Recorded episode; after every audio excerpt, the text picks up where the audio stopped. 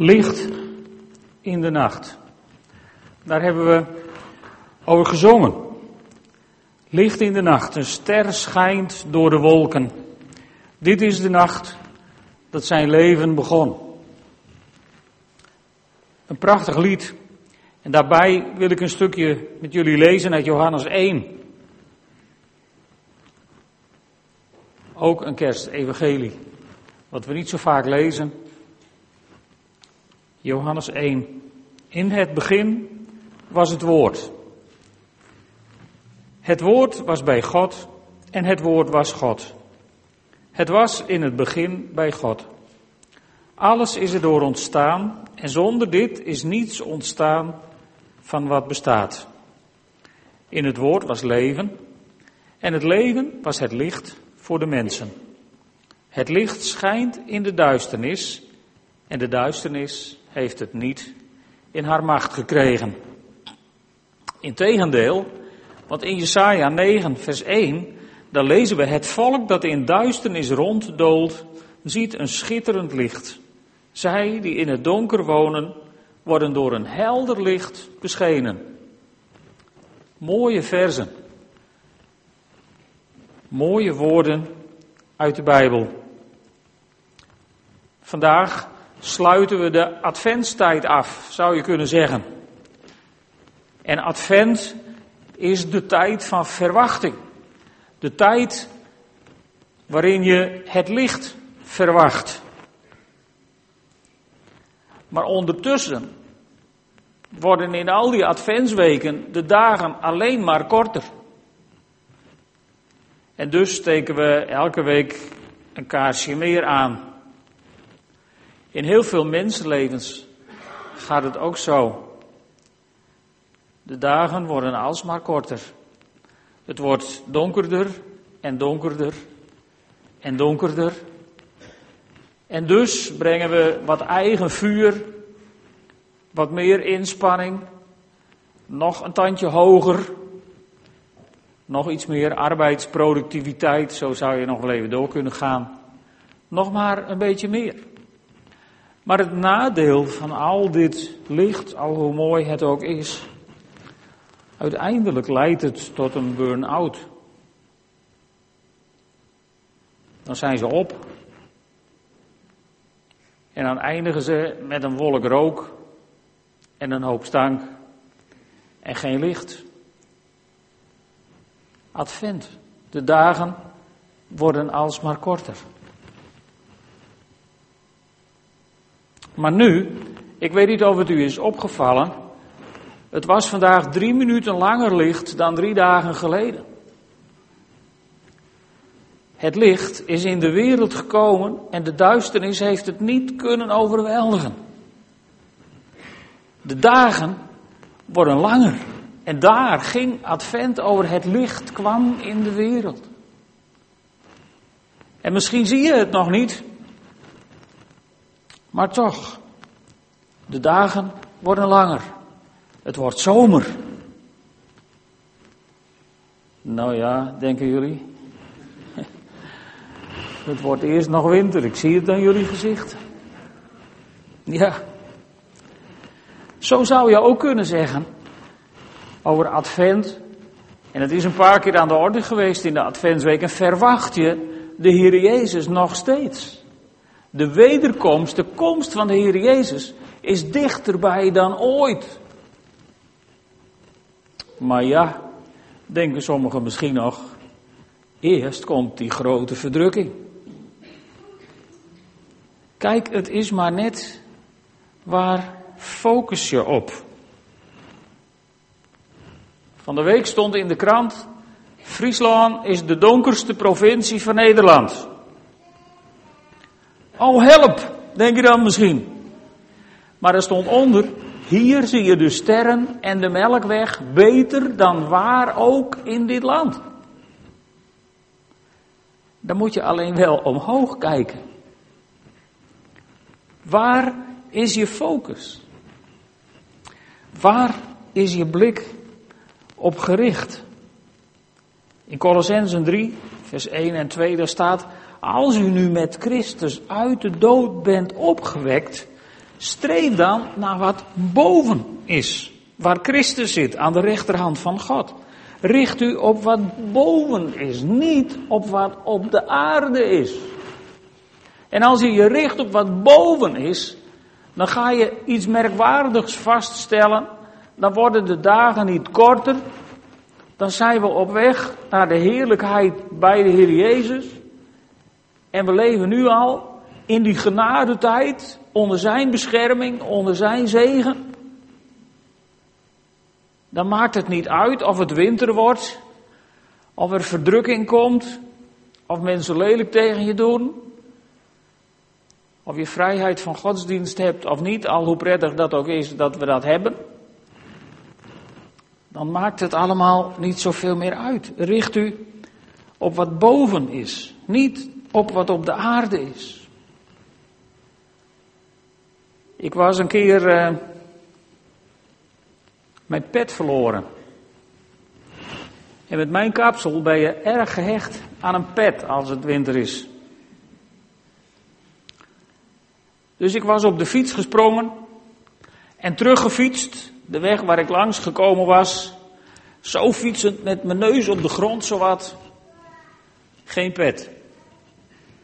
Toen weer naar huis gefietst, aan de andere kant van de straat gezocht. Ik denk misschien hier. Neus op de grond. Geen pet. Toch nog maar een keer heen en weer. Want zo'n pet is duur, dus geen pet. En toen zei Geertje, zal ik eens een keer gaan? Nou heb ik een hele aparte vrouw.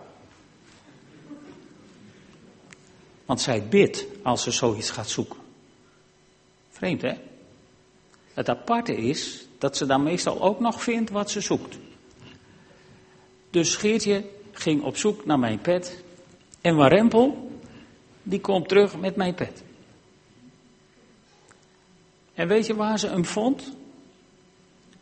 Een of andere goede geest, goed mens, was langs de straat gelopen of gefietst. En die had mijn pet daar zien liggen in de goot. En die had gedacht, zonde van die pet. En die had hem opgepakt en op ooghoogte aan een tak van de boom gehangen die ernaast stond. Ik zocht de dingen die beneden zijn. En vond geen pet. En Geertje zocht de dingen die boven zijn. En kwam thuis met mijn pet. Zo kan het soms gaan in een mensenleven. Soms zoek je de troost van God. En heb je niet in de gaten dat Jezus in jouw situatie vlak naast je loopt en er absoluut bij betrokken is wat er met jou gebeurt. Maar je ziet het niet. Want je focust op de dingen die beneden zijn. Maar Johannes die schrijft het zo mooi. Het kan nog zo donker om je heen zijn. Het licht schijnt in de duisternis. En de duisternis heeft het niet in haar macht gekregen. Dat kan duisternis namelijk helemaal niet. Als zou je hier alle lichten uitdoen, dan blijven die vier kaarsjes branden. En het licht, dat blijft. Jullie hebben vast nog nooit op het lichtknopje gedrukt en gedacht, nou ga ik hier eens even zitten en dan zullen wij eens kijken wie er wint. Het licht of de duisternis. Als je in Afrika bent geweest, daar doe je dat wel, maar hier, hier ga je ervan uit, als je op het knopje drukt, gaat het licht aan. Altijd. Het licht wint van de duisternis. Dus waar richt je je op? Want weet je, wat zeggen die dingen boven ons dan? Die dingen boven ons, datgene wat je moet zoeken, boven ons, waar Jezus zit aan de rechterhand van God, van waar Hij komen zal. Daar staan hele mooie woorden over in Jesaja 9. Vers 5 en 6 lees ik voor jullie. Een kind is ons geboren. Een zoon is ons gegeven. De heerschappij rust op zijn schouders. Hij is baas over jouw situatie. Hoe je er ook over denkt en hoe je er ook tegenaan kijkt, Hoe je er misschien ook tussen zit, hij is baas over jouw situatie. En deze namen zal hij dragen. Wonderbare raadsman. Goddelijke held. Eeuwige vader. Vredevorst. En de Bijbel zegt, groot is zijn heerschappij en aan de vrede zal geen einde komen. Davids troon en rijk zijn erop gebouwd. Ze staan vast in recht en gerechtigheid van nu aan tot in eeuwigheid. Daarvoor zal hij zich beijveren, de Heer van de hemelse machten. Dat heet goed nieuws. Hij zal zich beijveren, de Heer van de hemelse machten. Want het rijk en de troon van David zijn erop gebouwd. Ze staan vast in eeuwigheid. In eeuwigheid. Fysiek en geestelijk. Ook fysiek. Het land van David is in zijn handen. Wat de rest van de wereld ook bedenkt en meent eraan te moeten doen. Tegen Gods plannen is niks te doen. Sommige mensen moeten dat nog even ontdekken. Maar de plannen van God, daar zingen wij, vroeger zongen we daarover. Hè? We zingen dat niet zoveel, maar je kent dat liedje wel. Hoe heet het? Uh, God is getrouw, zijn plannen falen niet. Nee toch? Zijn plannen falen niet. En zijn plan is, zijn plan was dat zijn zoon naar deze wereld zou komen. Een kind is ons geboren, een zoon is ons gegeven. De heerschappij rust op zijn schouders. Dat was het plan van God. En zijn zoon is gekomen. Voor jou en voor mij. Zijn zoon kwam naar deze wereld. En hij kwam als een baby. Staat leuk in de nieuwe visie. Baby redt de wereld. Maar het was zo. Die baby is gekomen en die is groot geworden. En hij was die wonderbare raadsman, hij was die goddelijke held, hij was onze eeuwige vader, hij is onze vredevorst en de heerschappij op zijn schouders, daaraan zal geen einde komen. Wat mensen u ook proberen te vertellen, aan zijn heerschappij zal geen einde komen. En, en, en misschien zeg je van nou, ik zie het toch redelijk donker in. Dan heb ik een goed woord voor u. Licht in de nacht, een ster schijnt door de wolken. Maar je moet je hoofd wel even opheffen om er naar te kijken. Er is licht in de nacht. Al hoe donker uw situatie misschien ook is. Al hoe somber je misschien 2012 ook tegemoet ziet. En ik bedoel, de berichten die over ons heen worden gestort, daar word je niet vrolijk van. Mensen hebben het over recessies en krimpen en crisissen.